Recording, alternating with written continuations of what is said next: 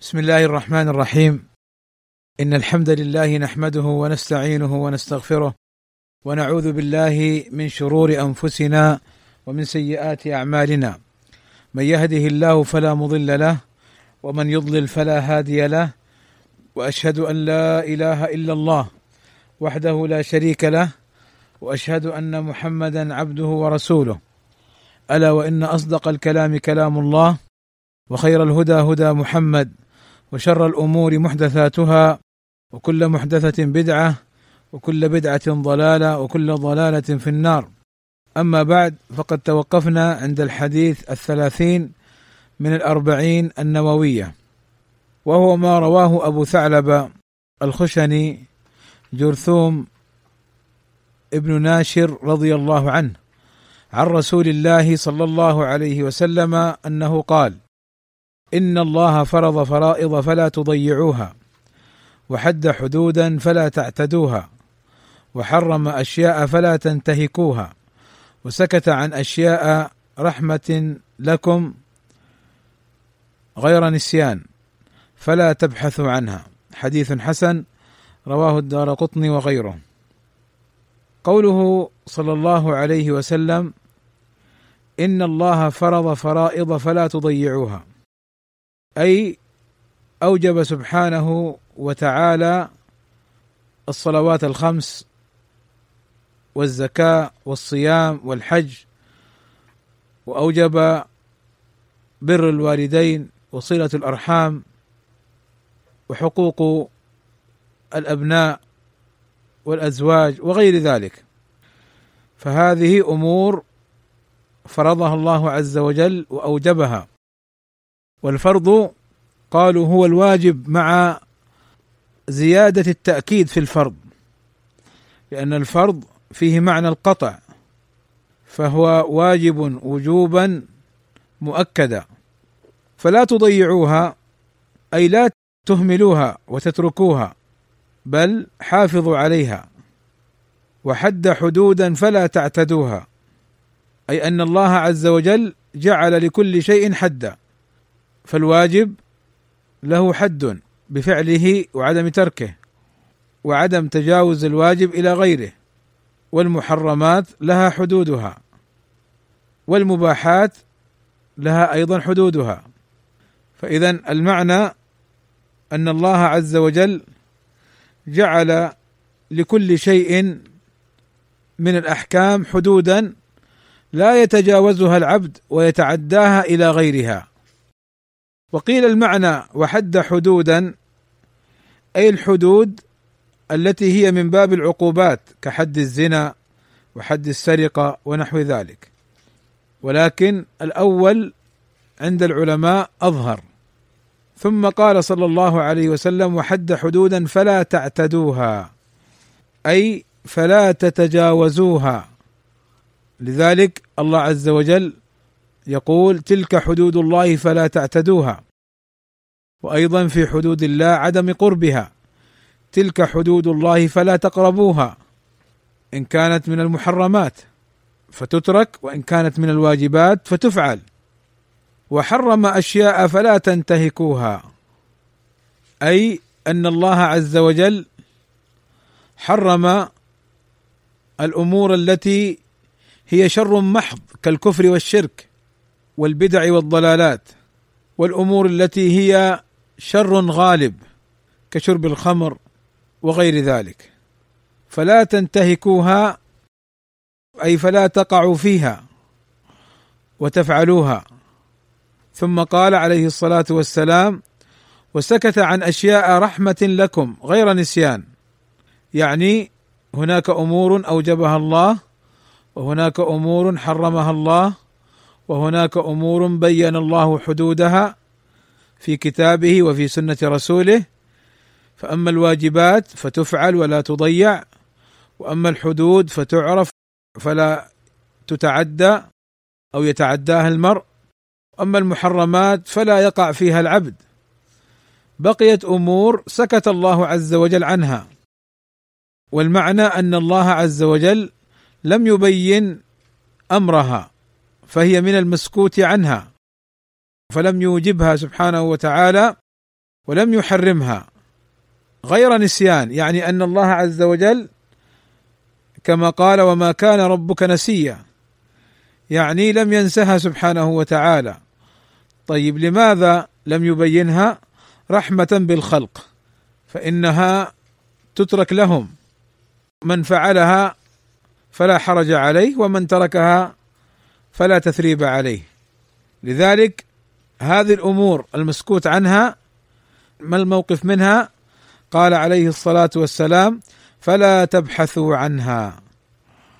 لا تنقروا ولا تتعمقوا ولا تبالغوا وتغلوا في الأمور تريدون أن تعرفوا أحكام كل شيء حتى ما سكت عنه سبحانه وتعالى غير نسيان.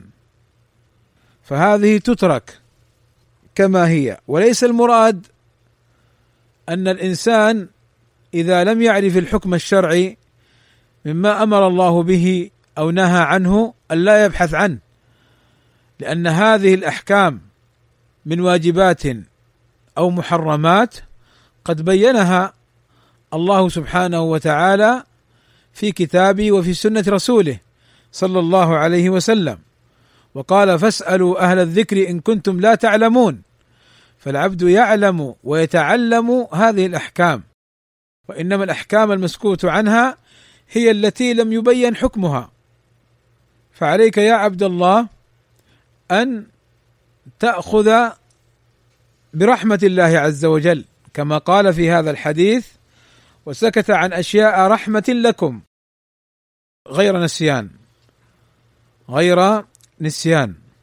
لأن بعض الناس كما سبق ينقر ويبحث ويتعمق ويريد أن يصل لحكم لم يبينه الله عز وجل فهو مسكوت عنه.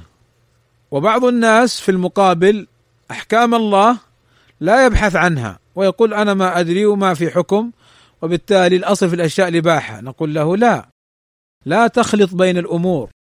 لأن الله الذي سكت عن أشياء رحمة لنا غير نسيان هو الذي فرض الفرائض وهو الذي حرم المحرمات وهو الذي حد الحدود. لذلك ينبغي للعبد أن يتقي الله عز وجل وأن يراقب أفعاله وأقواله وأن يعلم أنه محاسب على كل ما يفعله.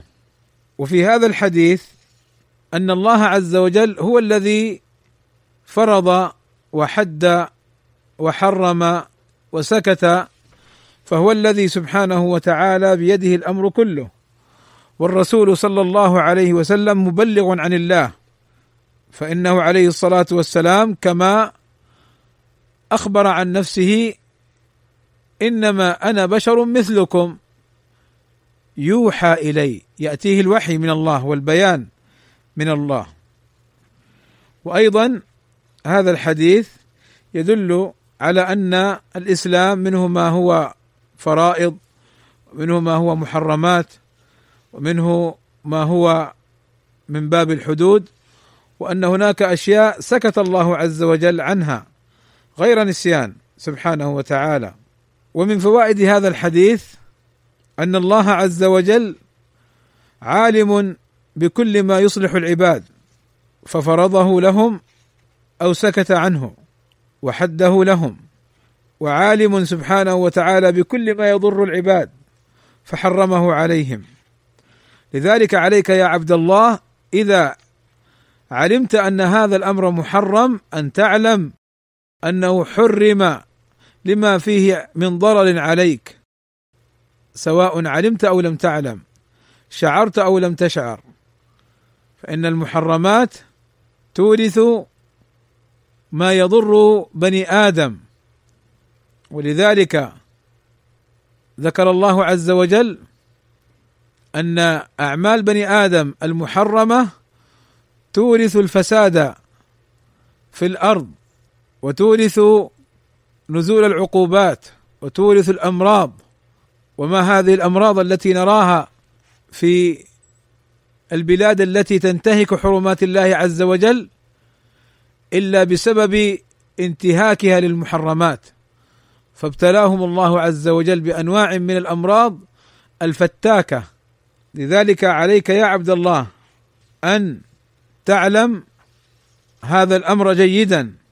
والشيخ العثيمين رحمه الله تعالى مثل لمسألة المسكوت عنه.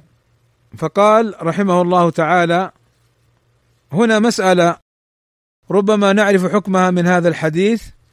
يسأل بعض الناس ولا سيما النساء هل يجوز للإنسان أن يزيل شعر الساق أو شعر الذراع أو لا يجوز؟ فقال ما ملخصه الجواب الشعور ثلاثة أقسام. الأول ما أمر بإزالته والثاني ما نهي عن إزالته والثالث ما سكت عنه.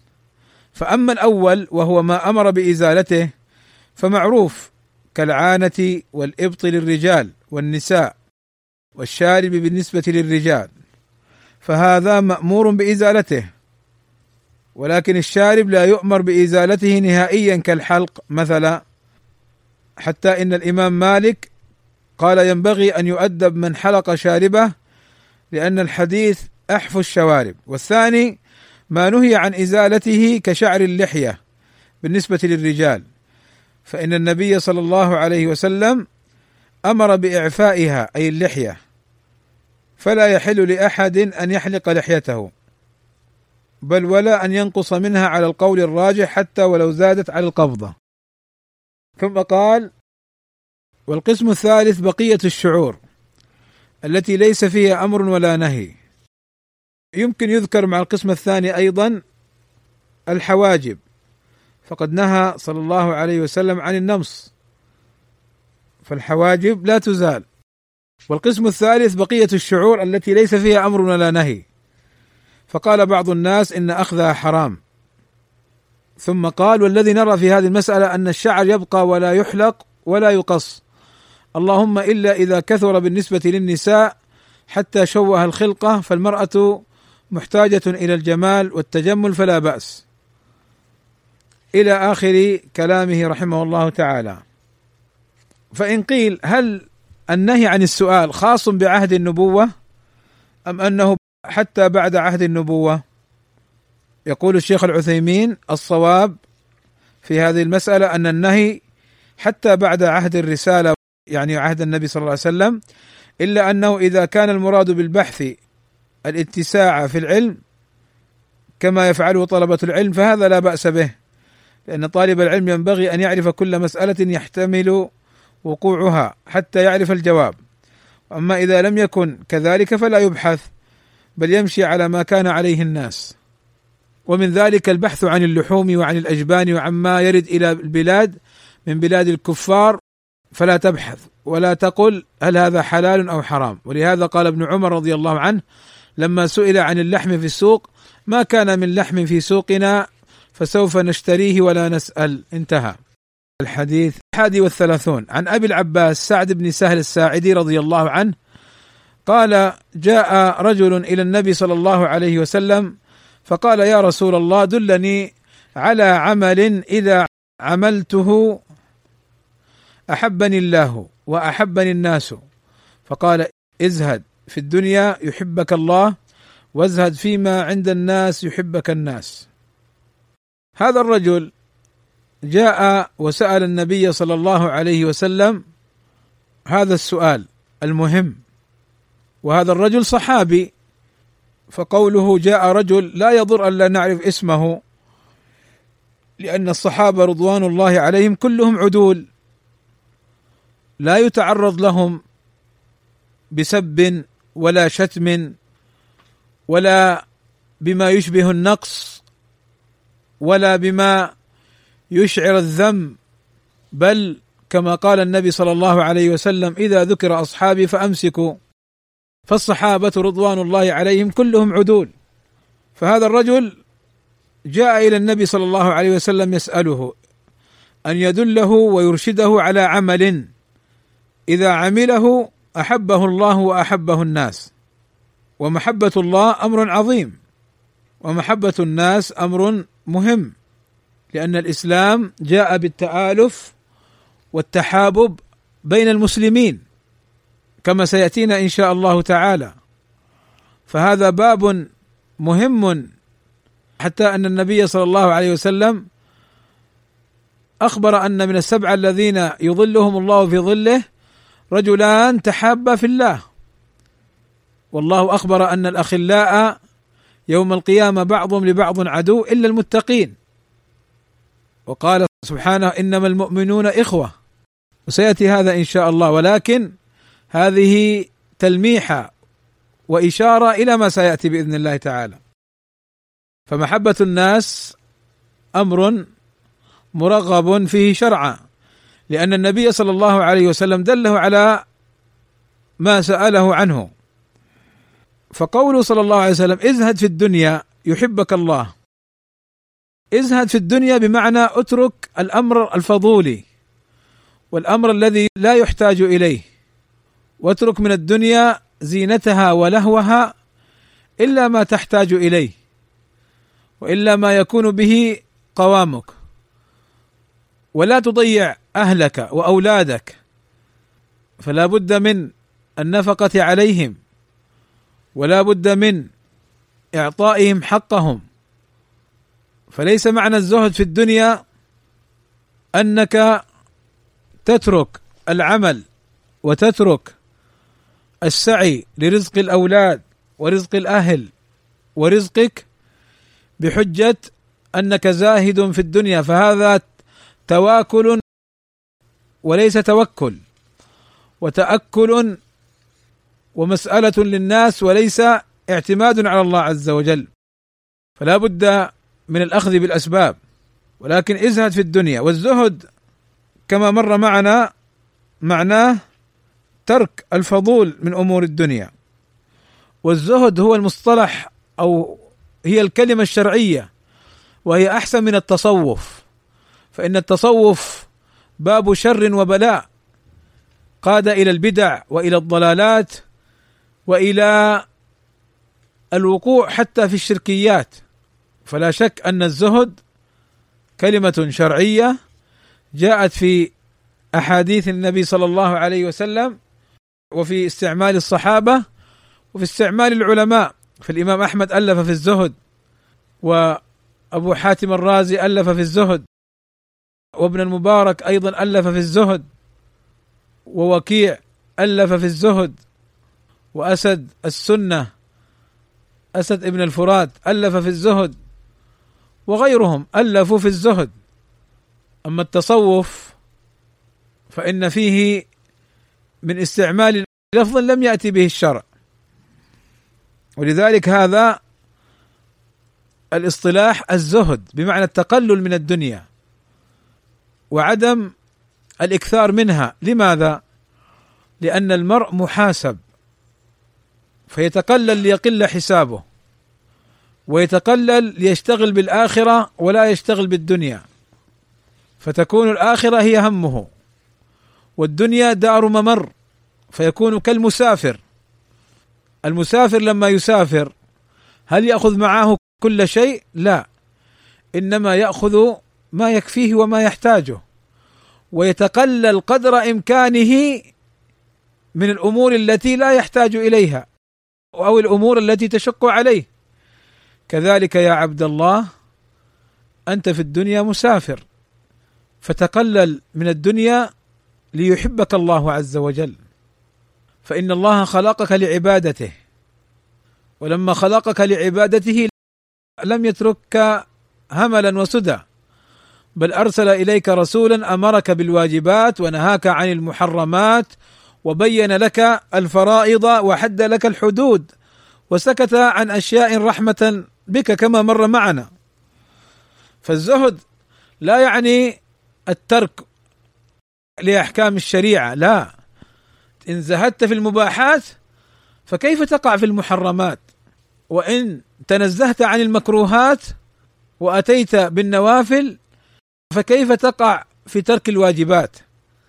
اذا لا بد من الموازنة ولا بد من الاتباع لهدي النبي صلى الله عليه وسلم. كان ينام على الحصير ويؤثر عليه حتى بكى عمر رضي الله عنه. ولكن النبي صلى الله عليه وسلم يقول كن في الدنيا كأنك غريب لأن النبي صلى الله عليه وسلم خيره ربه بين أن يكون ملكا رسولا أو أن يكون عبدا رسولا فاختار أن يكون عبدا رسولا ومره أكل النبي صلى الله عليه وسلم مع أبي بكر وعمر وغيرهم رضي الله عنهم أجمعين. أكل عليه الصلاة والسلام معهم شيئا من الطعام. وكانوا قبلها في جوع وخرجوا من بيوتهم وهم رابطون على بطونهم. الحبل والحجر ليخفف عنهم ألم الجوع حتى أضافهم من أضافهم من الصحابة رضي الله عنهم أجمعين. فبعد أن انتهوا من الطعام قال لهم النبي صلى الله عليه وسلم إن هذا من النعيم الذي تسألون عليه. كما قال تعالى ثم لتسألن يومئذ عن النعيم. ولذلك الفقراء يدخلون الجنة قبل الأغنياء بسنوات.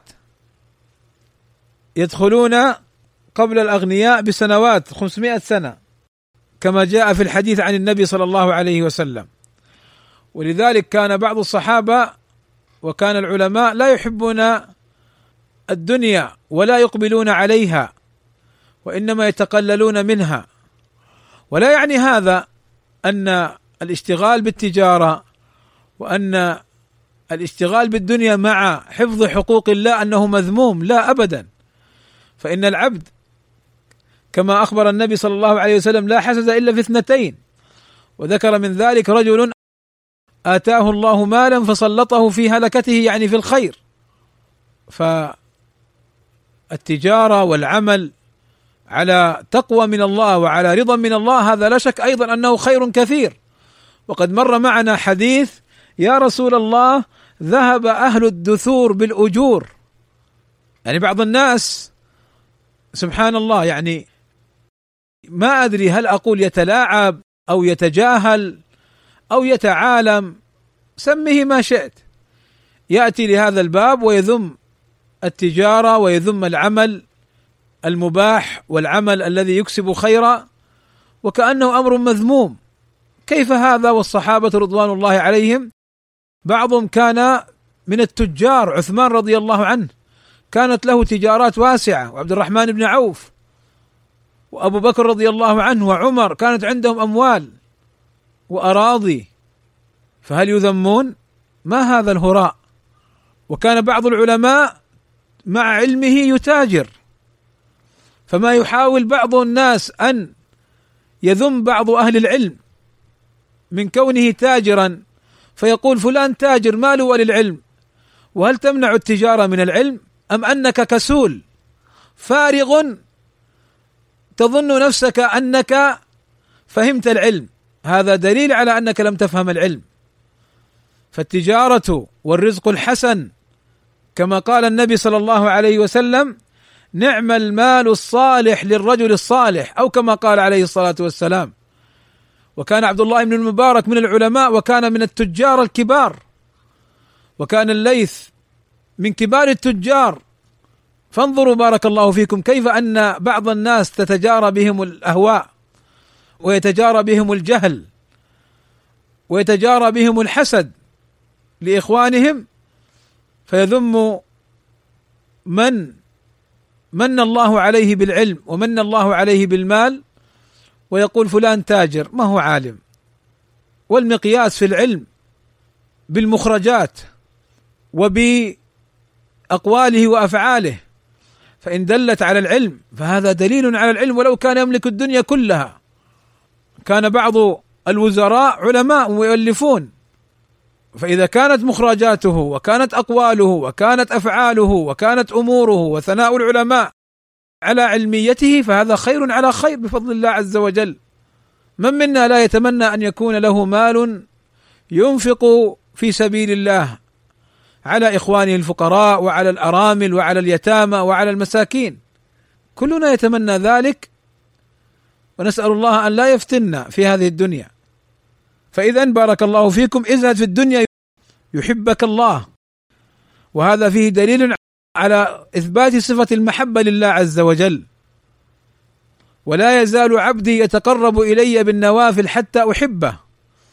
فصفة المحبة ثابتة لله عز وجل على ما يليق لجلاله سبحانه وتعالى. ثم قال ازهد فيما عند الناس يحبك الناس. يعني لا تنظر إلى ما في أيدي الناس ولا تتدخل في شؤون الناس مما هو يخصهم. وليس لك سبيل إليه. ولا تثقل على الناس بالتطلع إلى أحوالهم الخاصة. ولا تسأل الناس شيئا من المال. بل اسأل الله عز وجل واطلب من الله عز وجل. ولذلك الناس إن تسألها تبغضك. والله إن سألته يعطيك. وإن أطعته أحبك. فكن مع الله عبدا خاضعا ذليلا راغبا إلى الله عز وجل. وكن مع الناس مخالقا لهم بخلق حسن. ومن الخلق الحسن أن تزهد فيما عندهم. لأن الناس والبشر غالبا إلا من رحم الله يتشاحون يبخل بعضهم على بعض. فالواحد يبخل على نفسه أو يبخل على ولده أو يبخل على أهله فكيف لا يبخل على جيرانه أو إخوانه أو أصدقائه؟ فإذا جئت تتطلع إلى أموالهم أبغضوك. فعف نفسك واحفظ نفسك. أيضا في هذا الحديث إرشاد إلى أن المرء لا يشتغل أو لا يكثر من الأمور التي تؤدي إلى بغض الناس له بل يتجنبها لأن النبي صلى الله عليه وسلم ذكر المال لكون المال أهم الأمور. ولكن كما سبق أن التدخل في شؤونهم ونحو ذلك مما يبغضه الناس. اذا في هذا الحديث أيضا دلالة على أن المسلم يسعى إلى أن يتعامل مع الناس بالمحبة والإخاء لله لا لدنيا ولا لتحقيق أغراض معينة لأن قوله عليه الصلاة والسلام لما سأل ذاك الرجل أن يدله على أمر يحبه الله ويحبه الناس أي المحبة التي دعا إليها الشرع فدله صلى الله عليه وسلم على هذا الجانب مما يتعلق بالناس. وما أجمل قول القائل لا تسألن بني آدم حاجة وسل الذي أبوابه لا تحجب. فالله يغضب إن تركت سؤاله وبني آدم حين يسأل يغضب. فهذا باب مفتوح باب الله عز وجل. وكما مر معنا في الحديث القدس الطويل كما قال صلى الله عليه وسلم يا عبادي لو أن أولكم وآخركم وإنسكم وجنكم قاموا في صعيد واحد فسألوني فأعطيت كل واحد مسألته ما نقص ذلك مما عندي إلا كما ينقص المخيط إذا أدخل البحر كما مر معنا في حديث أبي ذر الغفاري الطويل. الحديث الثاني والثلاثون عن أبي سعيد سعد بن مالك ابن سنان الخدري رضي الله عنه أن رسول الله صلى الله عليه وسلم قال لا ضرر ولا ضرار. قال حديث حسن رواه ابن ماجه والدار قطني وغيرهما مسندا. ورواه مالك في الموطأ مرسلا. عن عمرو بن يحيى عن أبيه عن النبي صلى الله عليه وسلم فأسقط أبا سعيد وله طرق يقوي بعضها بعضا. والحديث حسنه الألباني وغيره من أهل العلم. قوله صلى الله عليه وسلم لا ضرر ولا ضرار. قالوا الضرر والضرار بمعنى واحد فيكون تأكيدا في قوله ولا ضرار. وقيل بينهما فرق فالضرر يكون من شخص واحد والضرار يكون من أكثر من شخص يضر بعضهم بعضا. كل واحد يضر الآخر. أما الأول فشخص يضر أخاه وغيره.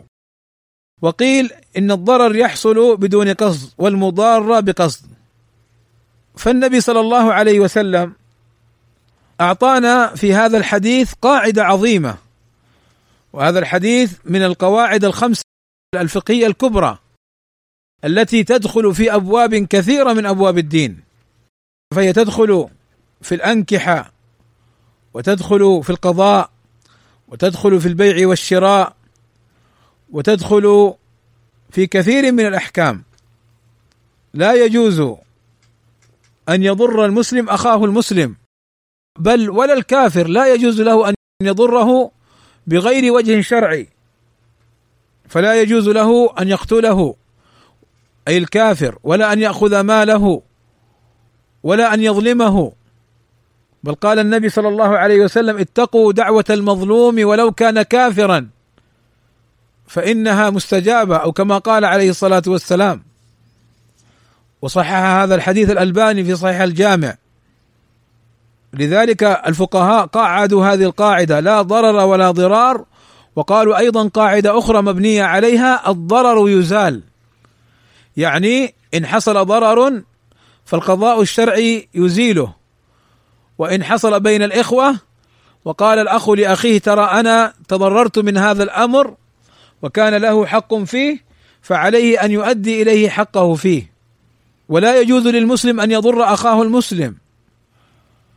ولا أن يضر الزوج زوجته في تأخير عدتها وإمساكها لغير غرض البقاء بل لتطويل العدة. أو مثلا إذا حصل بينهما طلاق أن يضرها في أبنائها أو تضره في أبنائه. هذا حرام يا إخواني حرام. وتفريق للأولاد وتعذيب لهم وتضييع لهم. كم وكم رأينا وسمعنا مثل هذه الأحوال. يمسك الوالد الأولاد بنين وبنات عن أمهم بالشهور. تبكي وتتلوى في الليل وتطيش نفسها. لكن اعلم أيها الرجل المعذب لهذه المرأة أنها لو دعت عليك تصيبك دعوتها. وكم من امرأة أمسكت أبناءها ذكورا وإناثا أمسكت أولادها ذكورا وإناثا عن أبيهم بالشهور.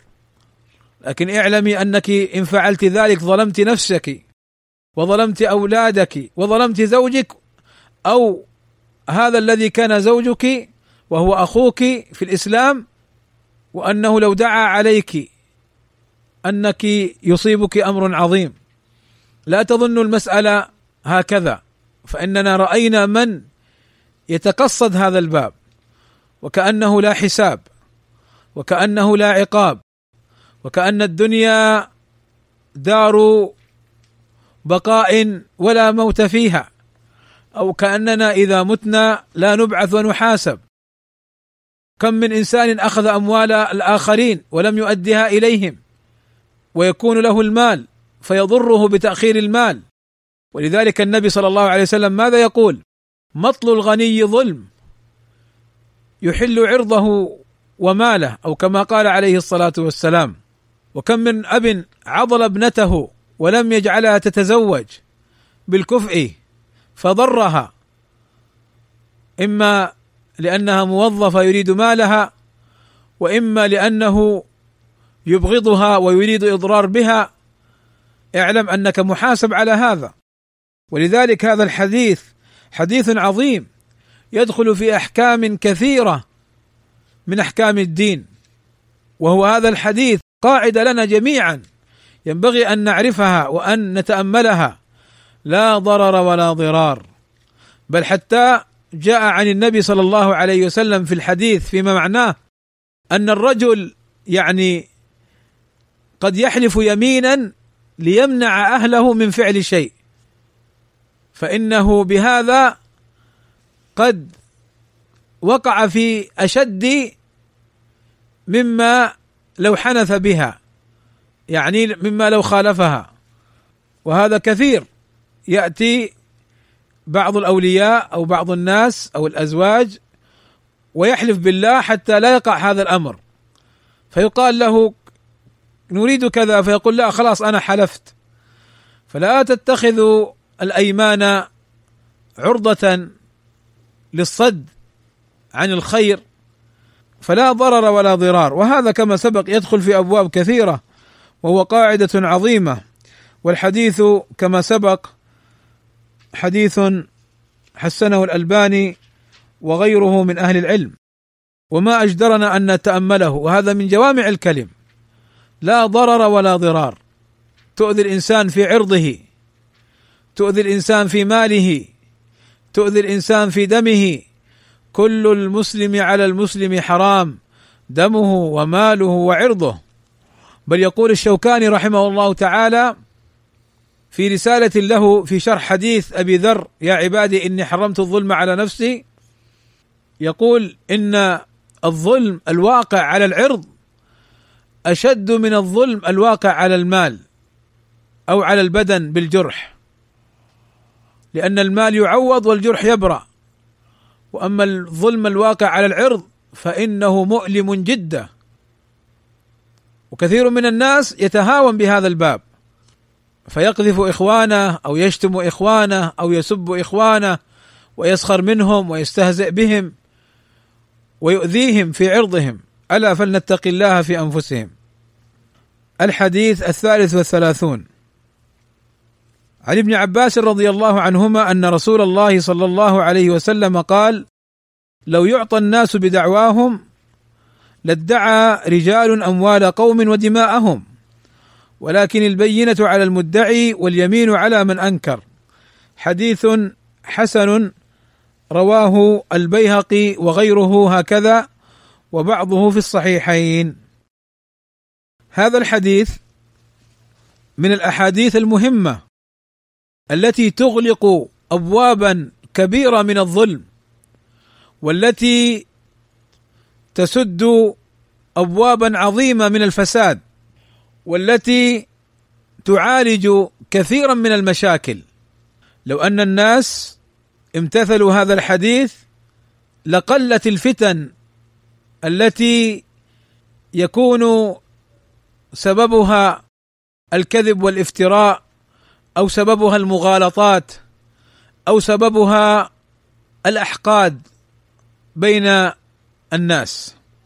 فالنبي صلى الله عليه وسلم يقول لو يعطى الناس بدعواهم يعني لو كل إنسان أعطيناه أي شيء يدعيه هذا يقول هذا مالي. والآخر يقول هذه سيارتي. والآخر يقول هذا عبدي. والآخر يقول هذا قتل قتل قريبا لي. وهكذا.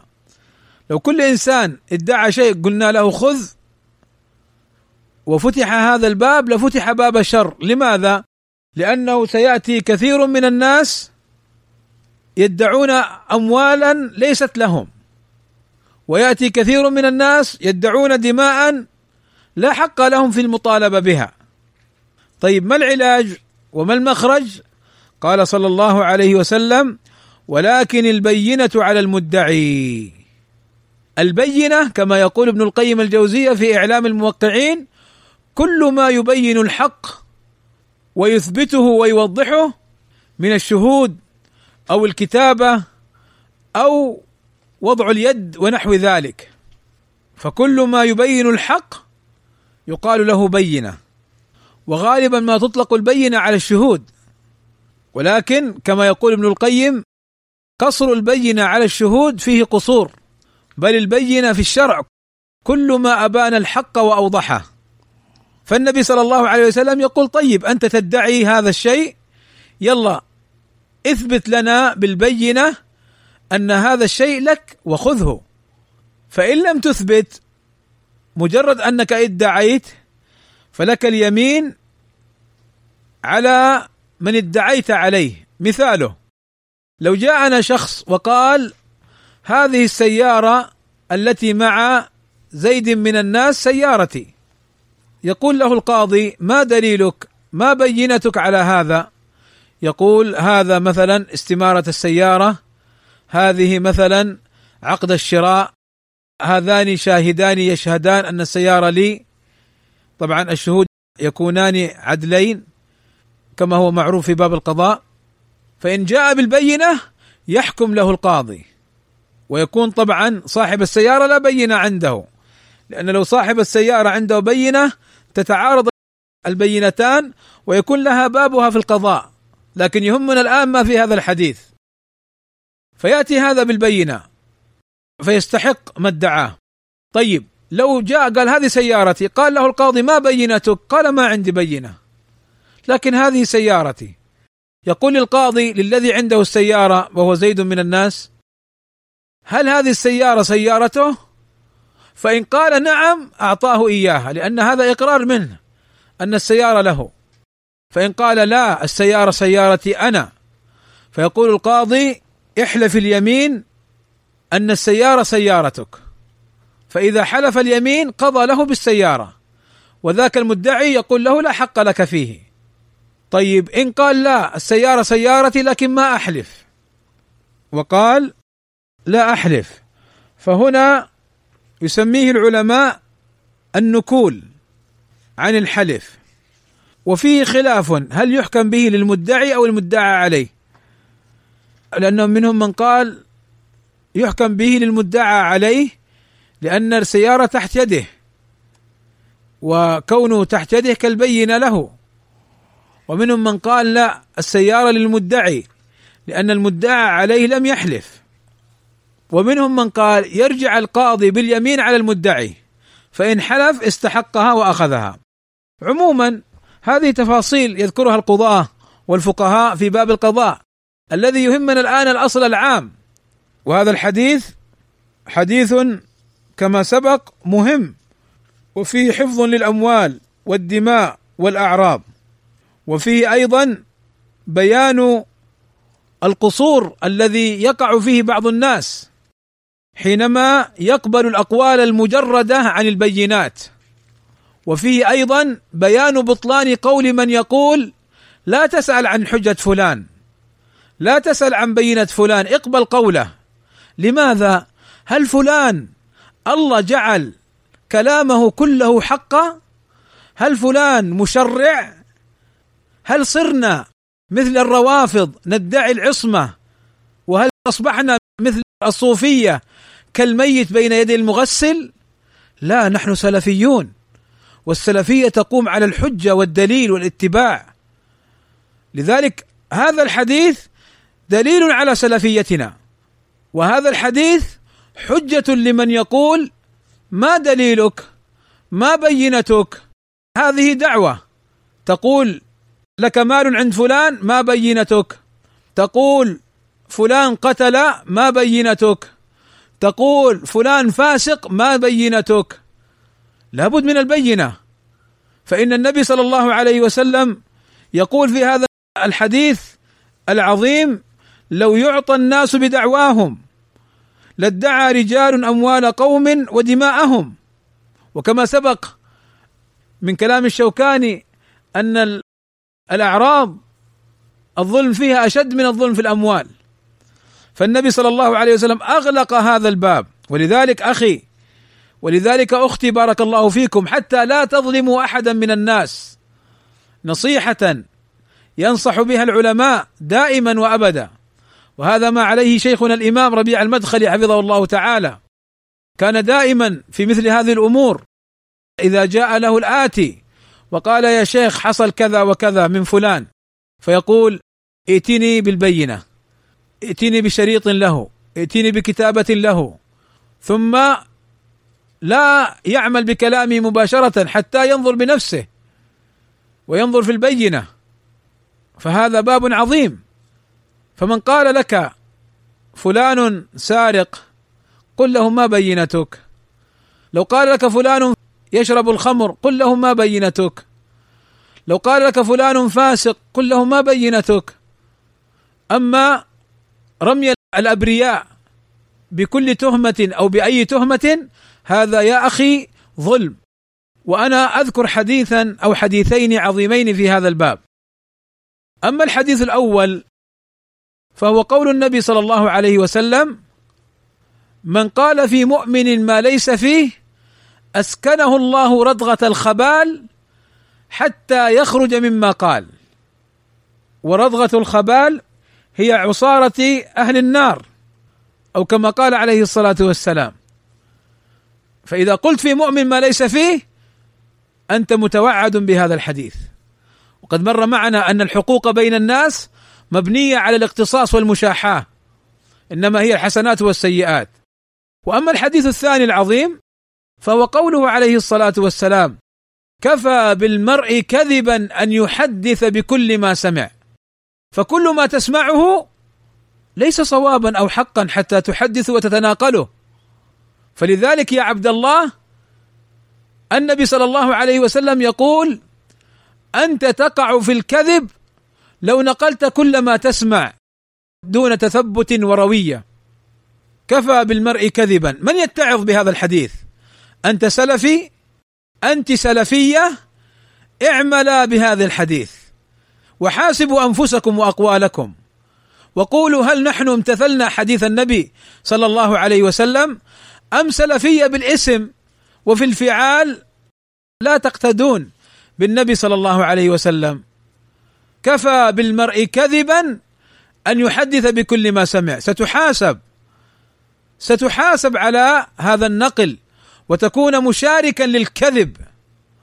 وأيضا قول النبي صلى الله عليه وسلم أفرى الفرى أن يكذب الرجل الكذب تبلغ الآفاق. يعني تنتشر بين الناس. فهذا أشد الكذب والبهتان. فاعدد يا عبد الله سؤالا لما تسمع وتنقل. الحديث الرابع والثلاثون. الحديث الرابع والثلاثون. عن أبي سعيد الخدري رضي الله عنه قال سمعت رسول الله صلى الله عليه وسلم يقول من رأى منكم منكرا فليغيره بيده فإن لم يستطع فبلسانه فإن لم يستطع فبقلبه وذلك أضعف الإيمان رواه مسلم.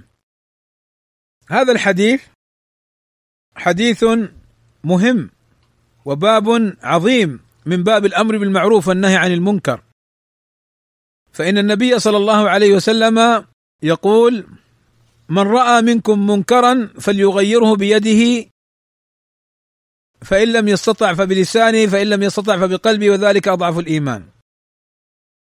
هذا الحديث قال العلماء فيه بيان درجات إنكار المنكر. ما هو المنكر؟ المنكر الأمور المحرمة التي نهى عنها الله ورسوله. فكل ما حرمه الله ورسوله ونهى عنه فإنه منكر. فالنبي صلى الله عليه وسلم يقول من رأى منكم منكرا قال العلماء في قوله من رأى فائدة وهي أن الإنسان لا ينكر الشيء دون علم به. لأن بعض الناس قد تأتيه وتقول له كما سبق فلان يسرق فيذهب وينكر عليه. هل ثبت عندك بالبينة أنه سرق؟ حين تنكر عليه. إن لم يثبت عنك بالبينة لك أن تناصحه وتقول يا فلان بلغني أمر أريد أن أسألك عنه وهو كيت وكيت. فإن قال نعم فقل له اتق الله واتركه. وإن قال لا والله هذا لا مفعله فقل الحمد لله وأسأل الله لي يعني تدعو له بالثبات أو بالهداية ونحو ذلك. أما تأتي تنكر على إنسان وأنت لا تعلم هذا خطأ. تقع في ظلمه لأنه قد يكون بريئا. ولذلك قال العلماء النبي صلى الله عليه وسلم أشار إلى هذا الأمر. من رأى منكم منكرا فليغيره بيده. التغيير المعنى أن يزيل هذا المنكر بشرط عند العلماء. فمن الشروط في ذلك أن يكون المنكر على علم بأن هذا الأمر منكرا شرعا. لأن بعض الناس قد يأتي ويحرم شيئا حلالا فينكر امرا حلالا أو امرا مكروها. معناه ما عنده علم عندما أنكر فلا بد من العلم. الأمر الثاني أن يتحقق من كونه من وقوع هذا المنكر بالعلم به كما سبق. الأمر الثالث أن يكون أمره بالمعروف ونهيه عن المنكر بحكمة وموعظة حسنة ويتعامل مع كل موقف بما يحتاج. فقد يحتاج إلى اللين وقد يحتاج إلى الشدة وقد يحتاج إلى التوسط وقد دل على كل أدلة شرعية. فالذي يقول في الإنكار دائما باللين والرحمة والرفق وأن الشدة مطلقا منكرة قوله منكر. لأنه كأنه يعيب أحاديث رسول الله صلى الله عليه وسلم. وكأنه يعيب منهج السلف الصالح رضوان الله عليهم. لأنه كما قال الشيخ بن باز وغيره من أهل العلم قال الحكمة وضع الأمر في موضعه فإن احتاج إلى لين لأن وإن احتاج إلى توسط توسط وإن احتاج إلى شدة شد أو اشتد في الأمر بحسبه. فليس التساهل مطلقا شرع وليس الشدة مطلقا شرع والأمر وسط. وأيضا شرط العلماء في إنكار المنكر أن لا يترتب على إنكار المنكر منكرا أعظم منه. ولذلك يذكر عن شيخ الإسلام ابن تيمية أنه مر مع بعض طلابه على رجل من التتر من الجنود وهو سكران. فقال له هل يعني أنهاه عن شرب الخمر؟ فقال له ابن تيمية دعه فإنه إنفاق يقتل مسلما. فهذا إن أنكر المنكر ترتب عليه منكر أعظم منه. فلا ينبغي حينها. وكذلك أيضا مثلا قال العلماء في الخروج على السلطان أنه لا يجوز لأنه غالبا بل كما قال شيخ الإسلام بن تيمية وغيره من أهل العلم أنه لا يعلم لطائفة خرجت على سلطان إلا وترتب من الشر أكثر مما أرادت أن تنكره ولا يعلم لها بقاء. أي تزول مرة أخرى. اذا من رأى منكم منكرا فليغيره بيده. التغيير باليد للسلطان للحاكم الشرعي أو من أنابه السلطان من الشرطة أو القضاء ونحوهم من الجنود إذا أنابهم السلطان في فعل الأمر فإنهم يغيرون المنكر كما قال النبي صلى الله عليه وسلم واغدوا يا أنيس إلى امرأة هذا. فإن اعترفت فارجمها أو كما قال عليه الصلاة والسلام. أيضا تغيير المنكر باليد يكون لولي الأمر في بيته. ويكون أيضا إنكار المنكر باليد كما سبق للعلماء الذين عندهم القدرة عن طريق ولاة الأمر ونحو ذلك للتغيير. فيما يكون لهم ذلك. لأن بعض الأمور قد تكون من مصالح ولي الأمر فليس حتى للعلماء أن يتدخلوا فيها إلا بعد مراجعة ولاة الأمر. ولذلك عمر لما مات القراء ما راح جمع القرآن وإنما رجع إلى أبي بكر وراجعه. رفض أبو بكر في البداية رضي الله عنه. فلا زال عمر يراجعه حتى شرح الله صدر أبي بكر رضي الله عنهم أجمعين. لما رفض أبو بكر في البداية رفض لماذا؟ قال كيف أعمل أمرا لم يفعله الرسول صلى الله عليه وسلم؟ ولكن عمر رضي الله عنه نظر إلى المصلحة العظيمة وأن هذا الأمر لا يخالف أمر الرسول لأن القرآن كان مكتوب ولكن كان مفرقا ومحفوظا في الصدور. فشرح الله صدر أبي بكر لذلك والنبي صلى الله عليه وسلم يقول اقتدوا بالذين من بعد أبي بكر وعمر. فما راح عمر لما رفض أبو بكر قال لا وإن رفضت فأنا راح أجمع القرآن مع إن القضية عظيمة. القراء ماتوا وعمر خشي على ضياع القرآن لموت حفظته. فما راح عاند وأصر لا انتظر وراجع الخليفة وراجع ولي الأمر حتى شرح الله صدره لذلك. اذا فليغيره بيده. طيب فإن لم يستطع ما كانت له سلطة أو كان هذا من خصوص ولي الأمر فيغير بلسانه. كيف يغير بلسانه؟ يأمر بالمعروف وينهى عن المنكر بالشروط السابقة. يتألف الناس على الخير وينهاهم عن الشر.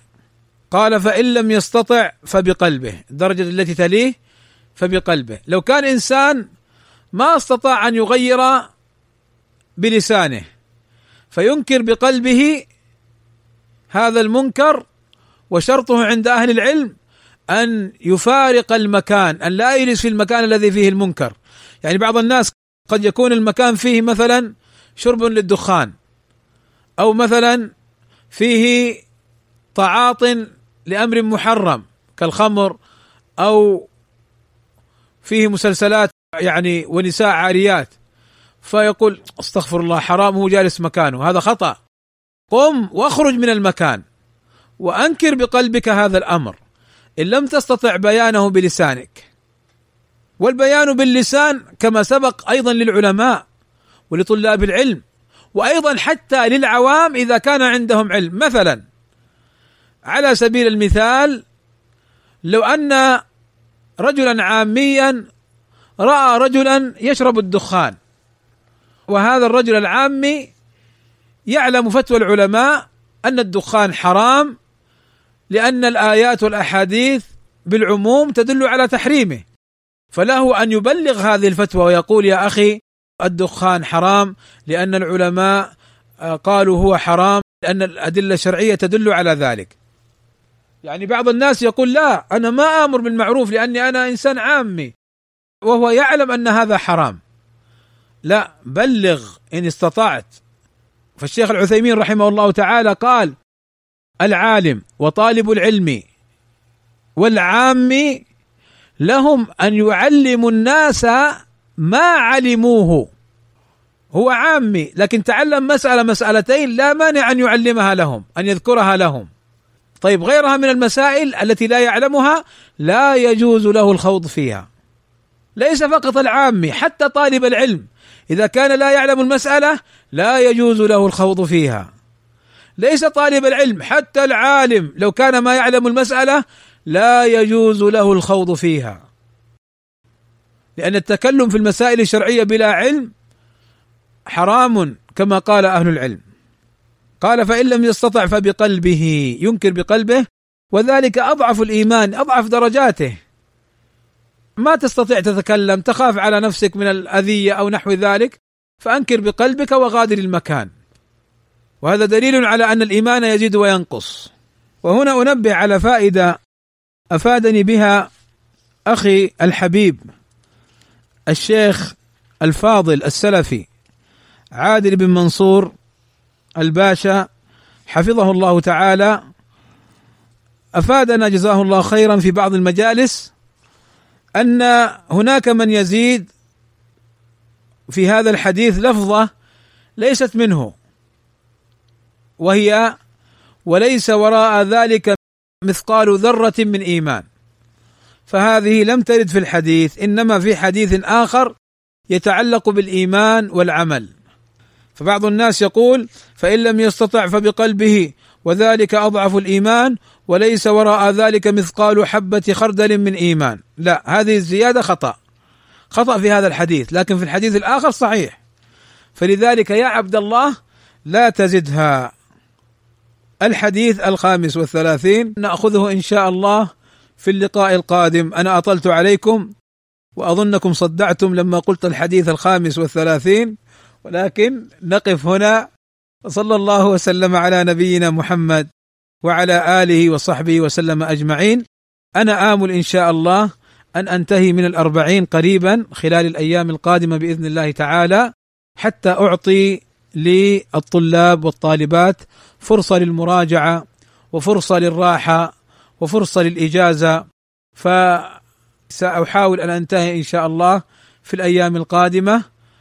أسأل الله عز وجل أن يرزقني وإياكم الإخلاص في القول والعمل.